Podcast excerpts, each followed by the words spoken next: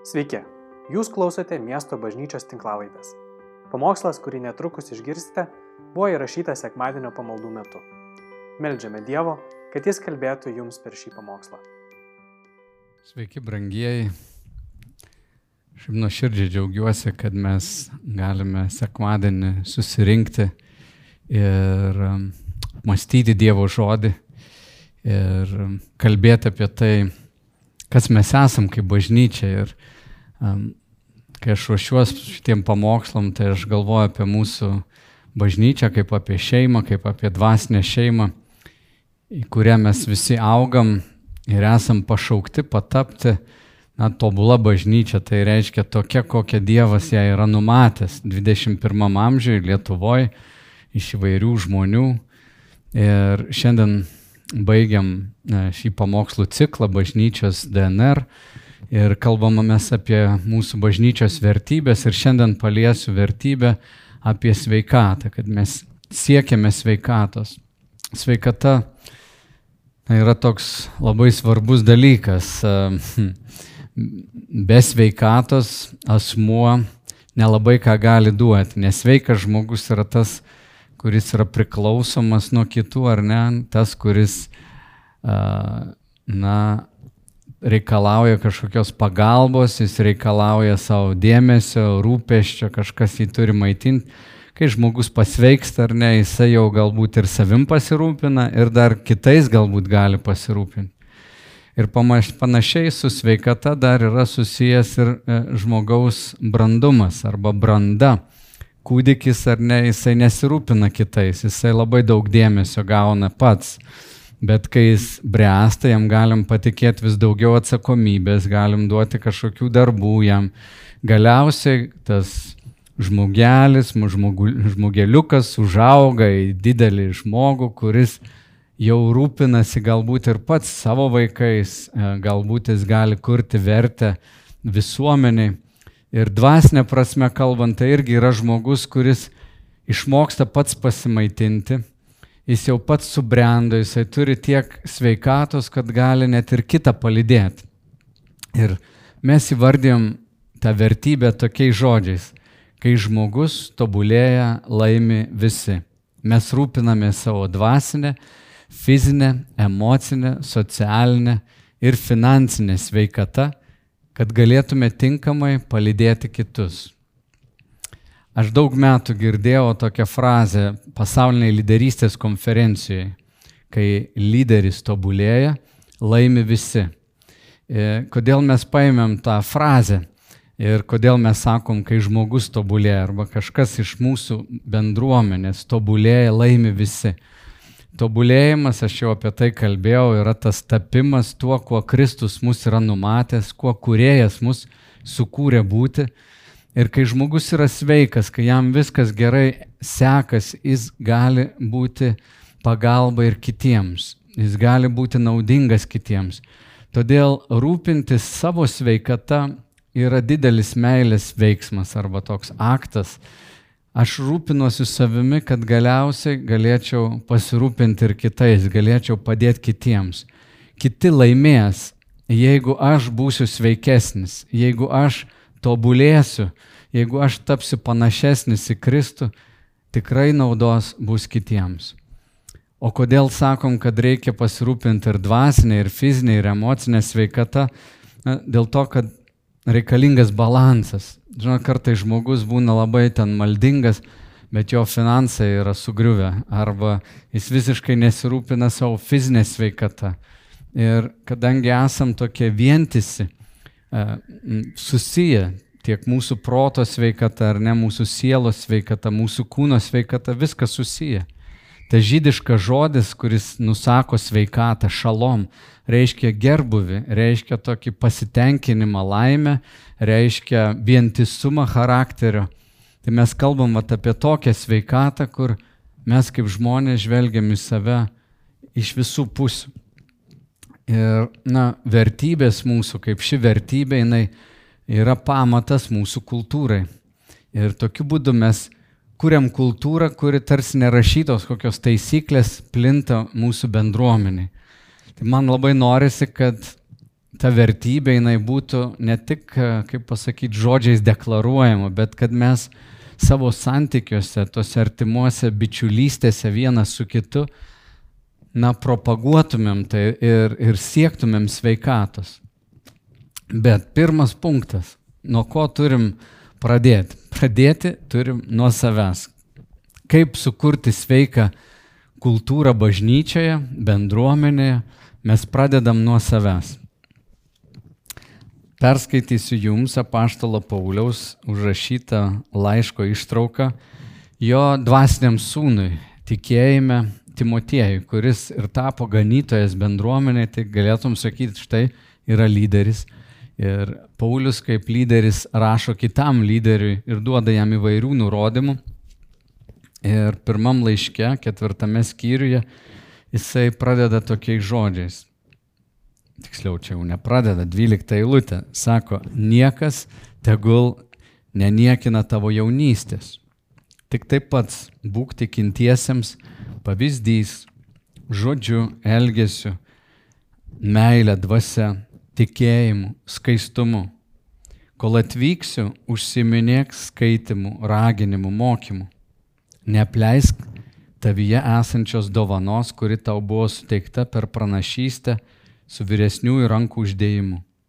Mąstyk apie šituos dalykus, atsidėk jiems visiškai, kad tavo pažanga būtų visiems akivaizdi. Žiūrėk savęs ir mokymu, būk pastovus tame. Taip išgelbėsi save ir savo klausytojus. Apaštalas Paulius susirūpinęs bažnyčios sveikata ir jis duoda nurodymus ganytojui, lyderiui, sakydama štai kaip tu gali ir savo padėti, ir kitiems būti naudingas. Tu taip išgelbėsi ir save, ir išgelbėsi savo klausytojus, tuos, kurie stebi. Štai keletas um, veiksmažodžių, ką jisai sako uh, Timotiejui. Jis sako, būk tikintiesiems pavyzdys. Būk. Nepamokslauk apie pavyzdį, bet būk. Tai yra tapk, ar ne? E, savo žodžiu, kaip tu kalbi, e, elgesiu, savo meilę, kaip tu demonstruoji meilę, savo dvasia, kokia tavo dvasia, ar karšta dvasia, ar esi užsidegęs tikėjimu, kaip tu viltingai žiūri į ateitį, skaistumu, būk pavyzdys. Toliau jisai sako, užsiminėk, ne, tai daryk kažką, užsiminėk skaitimu, raginimu, mokymu. Vėlgi tai yra disciplinos, kurias Paulius nori, kad Timotiejus integruotų į savo gyvenimą, tam, kad sveikatos jo gyvenime būtų daugiau.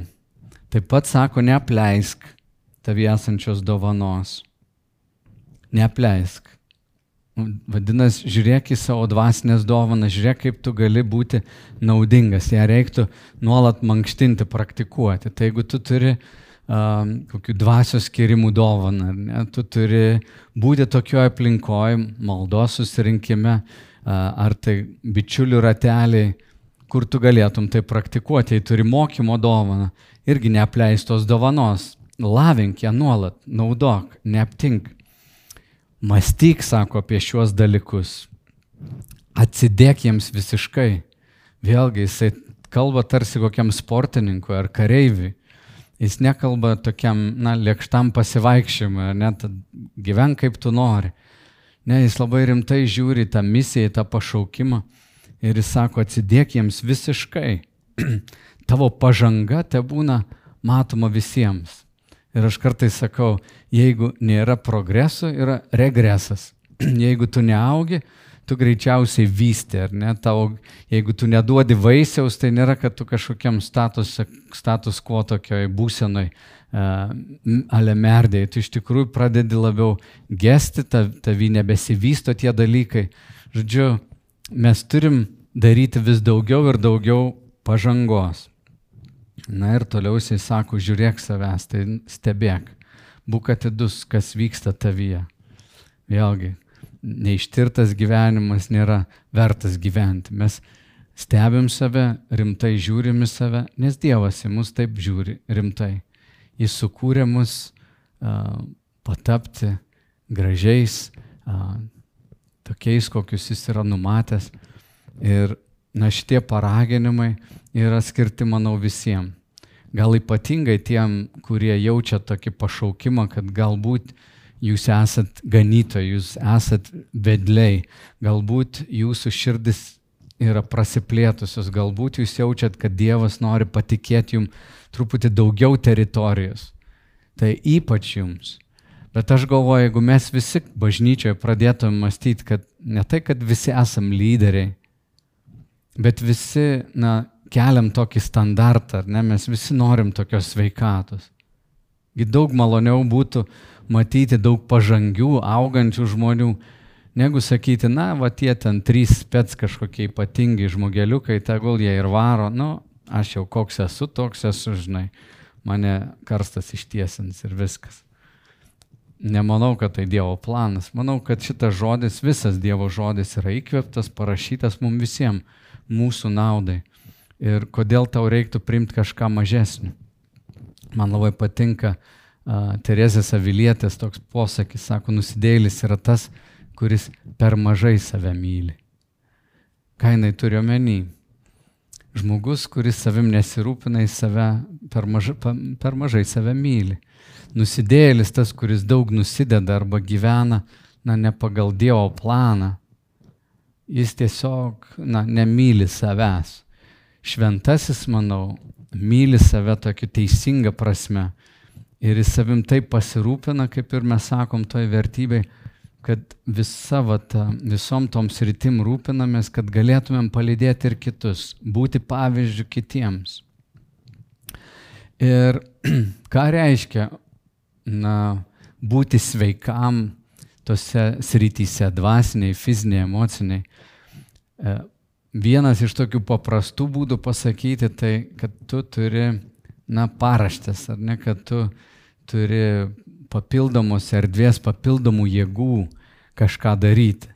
Na, dvasinė prasme, tai reikštų, kad tu turi savo maldos, Biblijos skaitimo kažkokią regulą ir tu esi pasitenkinęs to dvasiniu buvimu, tu skiri tam laiko ir tu turi tam laiko, tu esi numatęs tam laiką. Fizinė prasme reiškia, kad tu irgi miega, ten mytybą ar judėjimą laikai svarbių dalykų, tu nenumeti jų ir nesakai, ai, papramogausiu nieko, šiandien nemiegojom, žiūrėjom ten krūvą filmų. Aš atsimenu, mes tarybiniais laikais išsinuomodavom, sakydavom, videkus ir mes 24 valandas filmų žiūrėjom. Na tai yra didelė nesveikata, tai yra paaugliškas, nebrandus elgesys, mes kitą dieną, žinoma, nei darbą jam, nei ką, mes tiesiog va, į save sutelkę dėmesį, taip gyvenam. Bet jeigu tu turi vaikų arba tu kažką nori sukurti vertingo, tu negali taip, na, pasileisti plaukus ir, žinai, gyventi belia kaip. Na, e, fizin, fizinis tas e, tavo gyvenimas yra labai svarbus ir tavo sielos emociniai būkliai. Ir prieš metus ar kiek skaičiau keletą straipsnių, žiūrėjau TED kalb, na, tokią kalbą, vieno Matthew Walker yra toks Berkeley universitete, kuris uh, 30 metų studijuoja miegą, sako, iš tų trijų dalykų, kaip anksčiau sakydavau, judėjimas, mytyba ir miegas, jie visi svarbus, sako, šiandien galiu pasakyti, kad miegas yra svarbiausias. Ir kartais, man atrodo, mes į miegą labai mažai kreipiam dėmesio, bet, žodžiu, verta yra pasidomėti, kaip tau e, susitvarkyti miegą, nes žmogus, kuris nemiega, jisai, na, bus nesveikas. Taip, paprastai. Emocinė tavo sveikata irgi reiškia, kad tu stebi savo savijautą, tu praktikuoji dėkojimą, tu praktikuoji atleidimą. Tavo socialinė sveikata tai reiškia, kad tu irgi turi paraštės pabendrauti su žmonėmis arba turėti gilų santyki. Ir vėlgi manau, kad tai neatsitinka atsitiktinai, tai turi tapti, na, prioritetu, svarbia dalimi tavo gyvenimo gilios draugystės, na, ypač šiais laikais, jos neįvyksta šiaip. Tu gali turėti daug pažįstamų, visokių bičiulių, su kuriais kartą metuose pasikalbi, bet jeigu tu nori turėti tikrą gerą tokį socialinį gyvenimą, tu turi turėti ir ilgalaikės draugystės. Štai kodėl mes bažnyčia kalbam apie triedas. apie tokį bičiulių ratą, du ar trys ar keturi, kurie reguliariai susitinka. Aš planuoju reguliariai susitikti su draugais, su man svarbiais žmonėmis, aš planuoju reguliarius susitikimus, nes aš noriu gilinti tą santykį. Finansinė sveikata, irgi ką tai reiškia, kad tu turi paraštis. Ir čia būk labai atidus šiais laikais, labai lengva yra pasiskolinti. Gyvenimas su skola tai yra, kad tu nu, prirašiai tas paraštės, tu nebeturi ribų. Ir, ir kuo mūsų tos paraštės labiau užpildytos ir tu jautiesi kaip žiūrkiai įsisukęs į tokį ratą, labai sunku Dievui atrasti tada erdvę įeiti į tavo gyvenimą. Tai kai mes kalbam apie sveikatą, žiūrėk, kad tu neprikištum dėl kažkokio efektyvumo pojūčio, dėl kažkokio, na, kad aš turiu tapti kažkuo, ko dar netapau, e, nesveiko tokio veržlumo. Žiūrėk, kad tu nepaukotum vat, šabo šventimo savo polsio akimirkų, savo miego, tų dalykų, kurie, na, turi būti tavo gyvenime, tam, kad liktų paraščių. Aš net mokausi, na, anksčiau taip susidėdavau savo susitikimus, taip vienas baigėsi pirmą, kitas pirmą prasideda, antrą baigėsi, kitas antrą prasideda. Dabar stengiuosi taip nedaryti, palikti pusvalandį.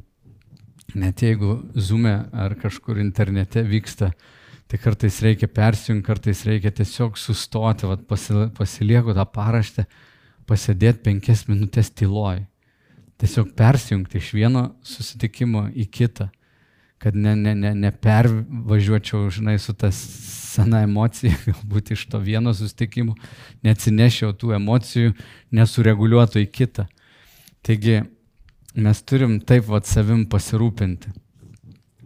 Ir rūpinimasis savimi tai tikrai nėra kažkoks egoizmas, tai yra um, mm, būtinybė ir tikrai, kaip sakiau, meilės forma.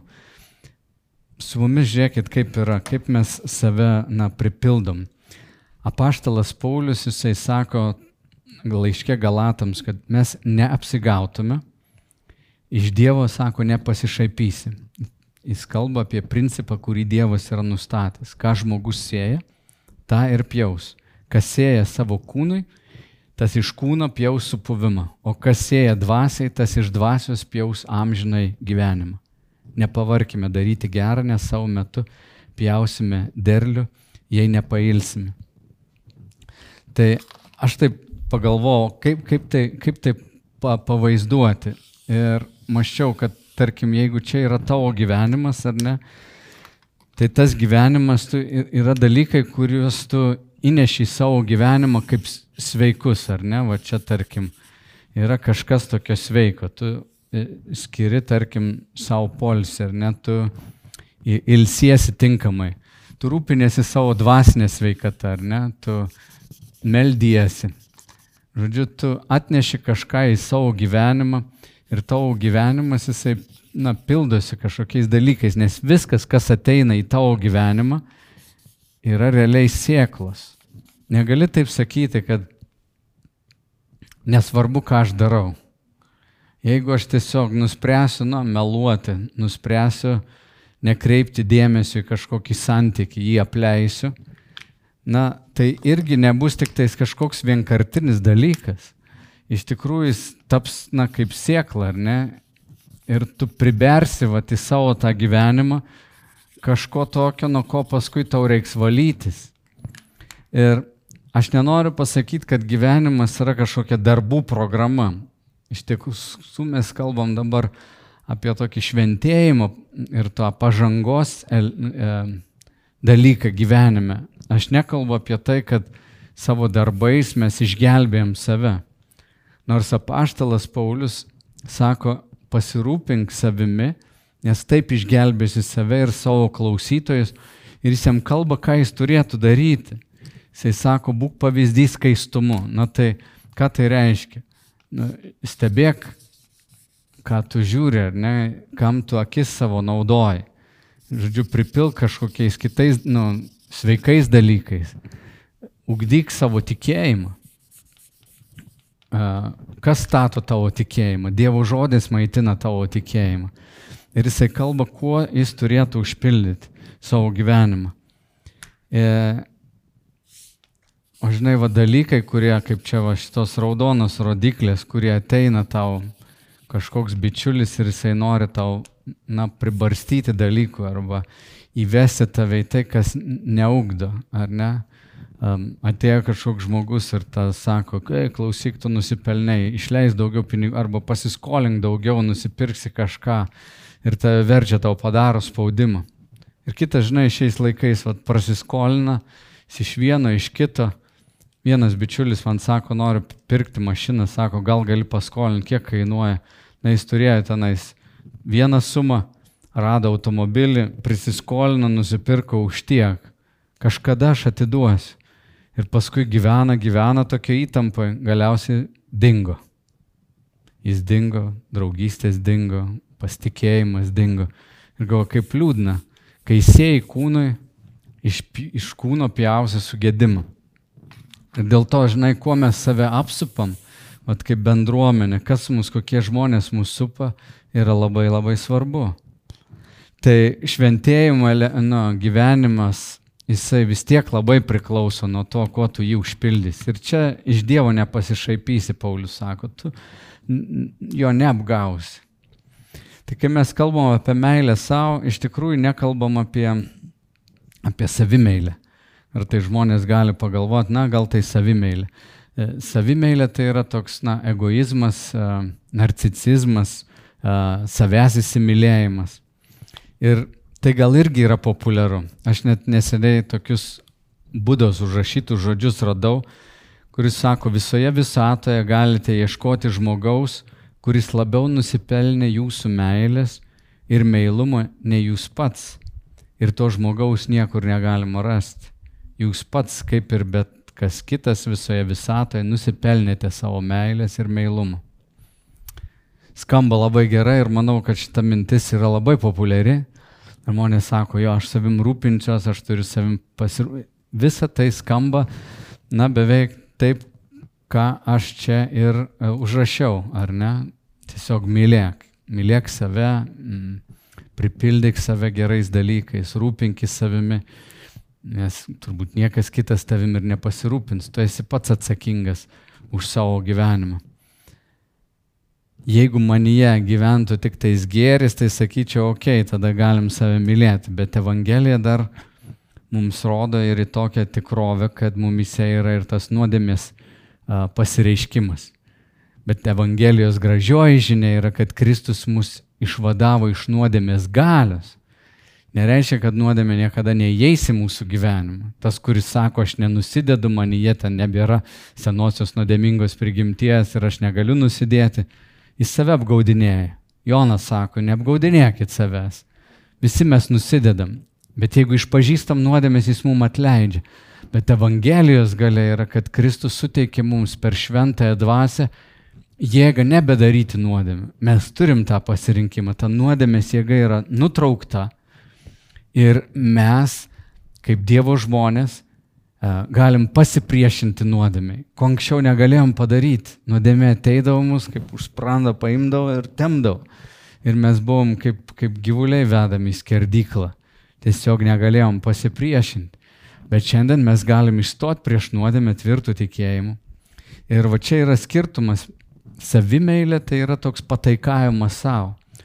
O meilė savo yra, kad aš renkuosi tai, kas man yra naudinga mano dvasiniai būčiai, mano egzistencijai.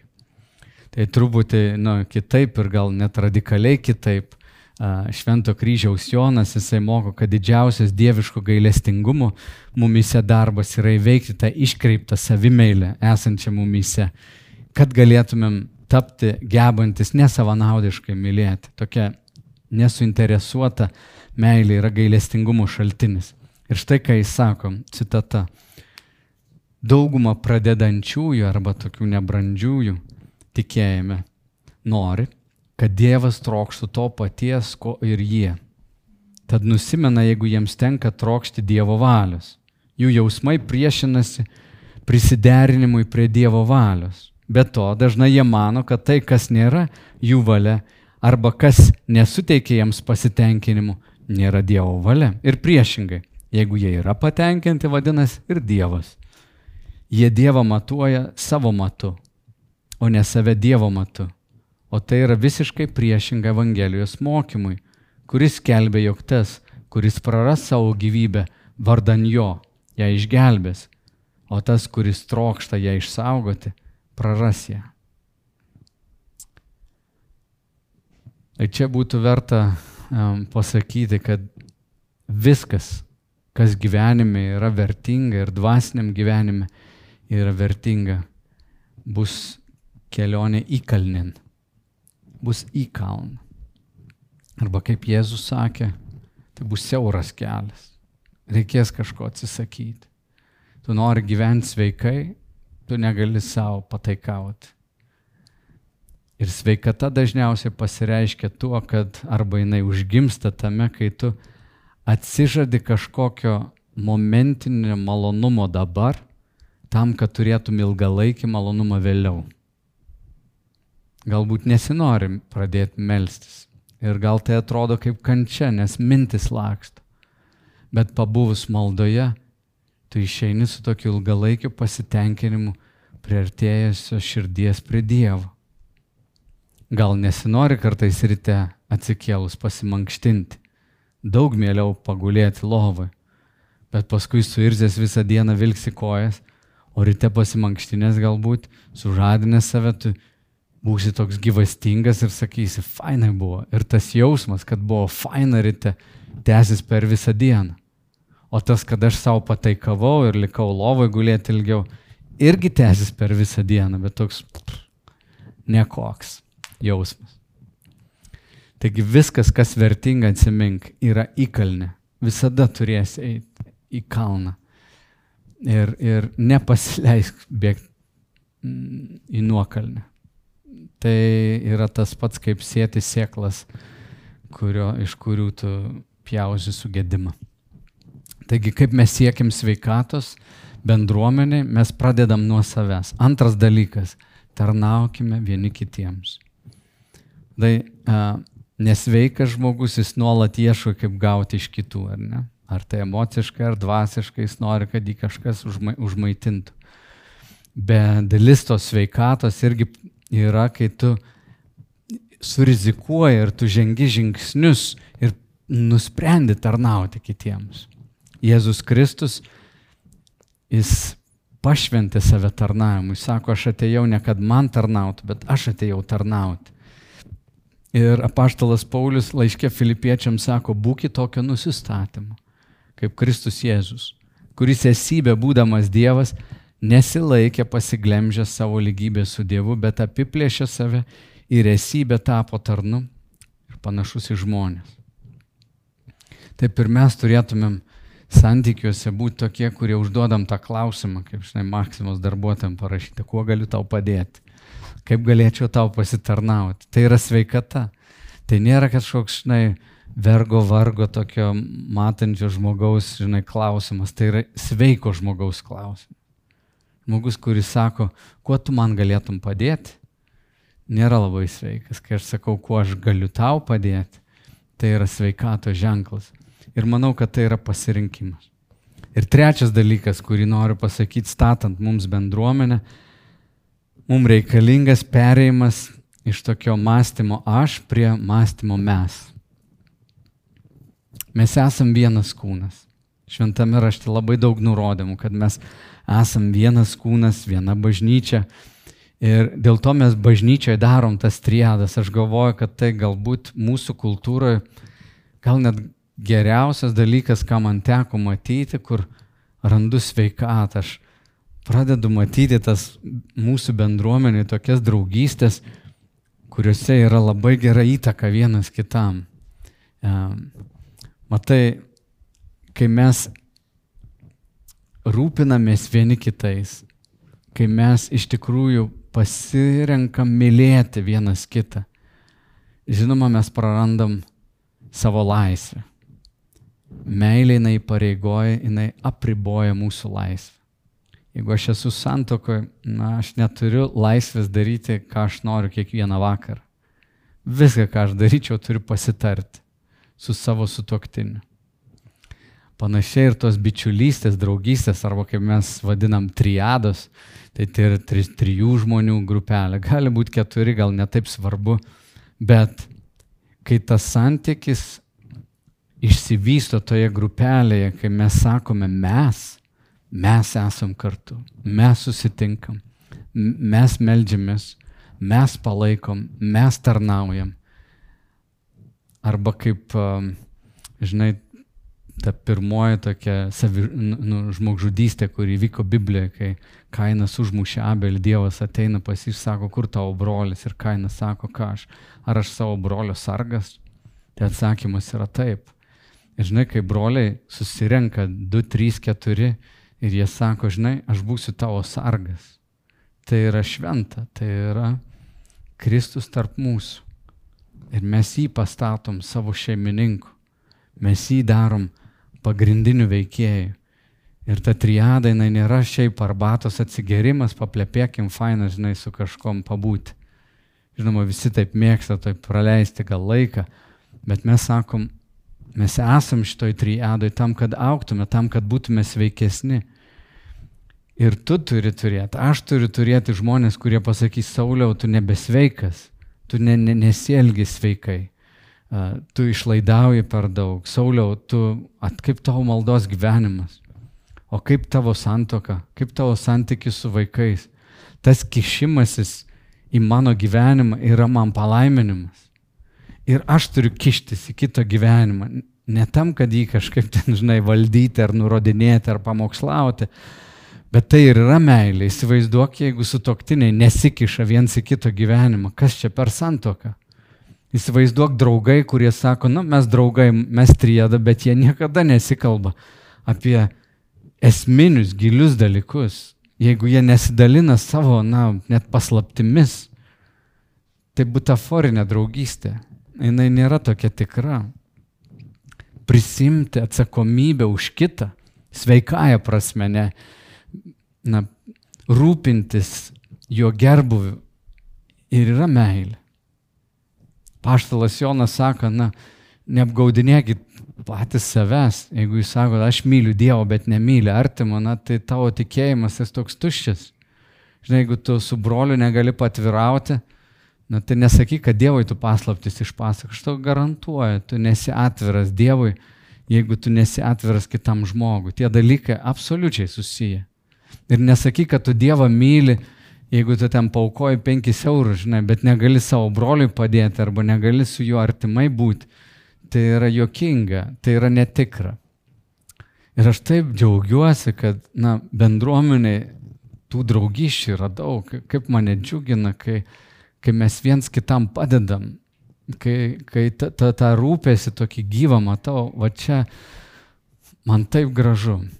Ir bažnyčios ateitis mes, mes išskirtinė organizacija, mes esam dvasinė šeima ir šiandien Lietuvai reikia sveikų bažnyčių. Te, te būna daug sveikų bažnyčių, te sisteigia bažnyčios po 20-30 kiekvienam mieste, te, te atsiranda vis daugiau ir daugiau tų triadų. Ir klausyk, nelauk, kol kas nors tave pakvies. Prašyk Dievo, melskis ir sakyk, Dieve, duok man tokius bičiulius duok man tokias draugės, su kuriomis galėčiau būti labai labai artima. Apaštalas Paulius ir čia užbaigsiu, jisai sako, laiškė romiečiams, meilė te būna neveidmainiška. Venkite pikto, laikykitės gero. Švelniai mylėkite vienas kitą, brolišką meilę. Pagarbiai vertinkite kitus aukščiau nei save. Uolumu nebūkite tingus, Būkite liepsnojančios dvasios, tarnaukite viešpačiui. Džiaukitės viltimi, būkite kantrus išmėginimuose, nepaliaujamai melskitės, dalinkite šventųjų poreikiais, puoselėkite svetingumą, laiminkite savo persekiotojus, laiminkite, o nekeikite, džiaukitės su besidžiaugiančiais, verkite su verkiančiais, būkite vienminčiai tarpusavį kaip fantastiniai padrasinimai mums, kaip bažnyčiai. Mano klausimas pabaigai tau yra toks. Ar tai, ką tu šiandien renkiesi, padarys tave sveikesniu ateityje? Ar tai, kokius pasirinkimus tu šiandien darai, atneš gerus vaisius tavo gyvenime? Ar tai, kad tu šiandien renkiesi, yra tie žali dalykai, kurie galiausiai užpildys tavo gyvenimą ir tu būsi sveikas? Būdamas su sveikai žmonėmis, siekdamas tos sveikatos. Žinai, jeigu mes tą darysim, na, mūsų gyvenimas va toks už... Uh, pataps sveikas, pilnas. Ir kai yra sveika bendruomenė, kai kultūra yra tokia puoselinti sveikatą, na, jinai padaro stebuklus.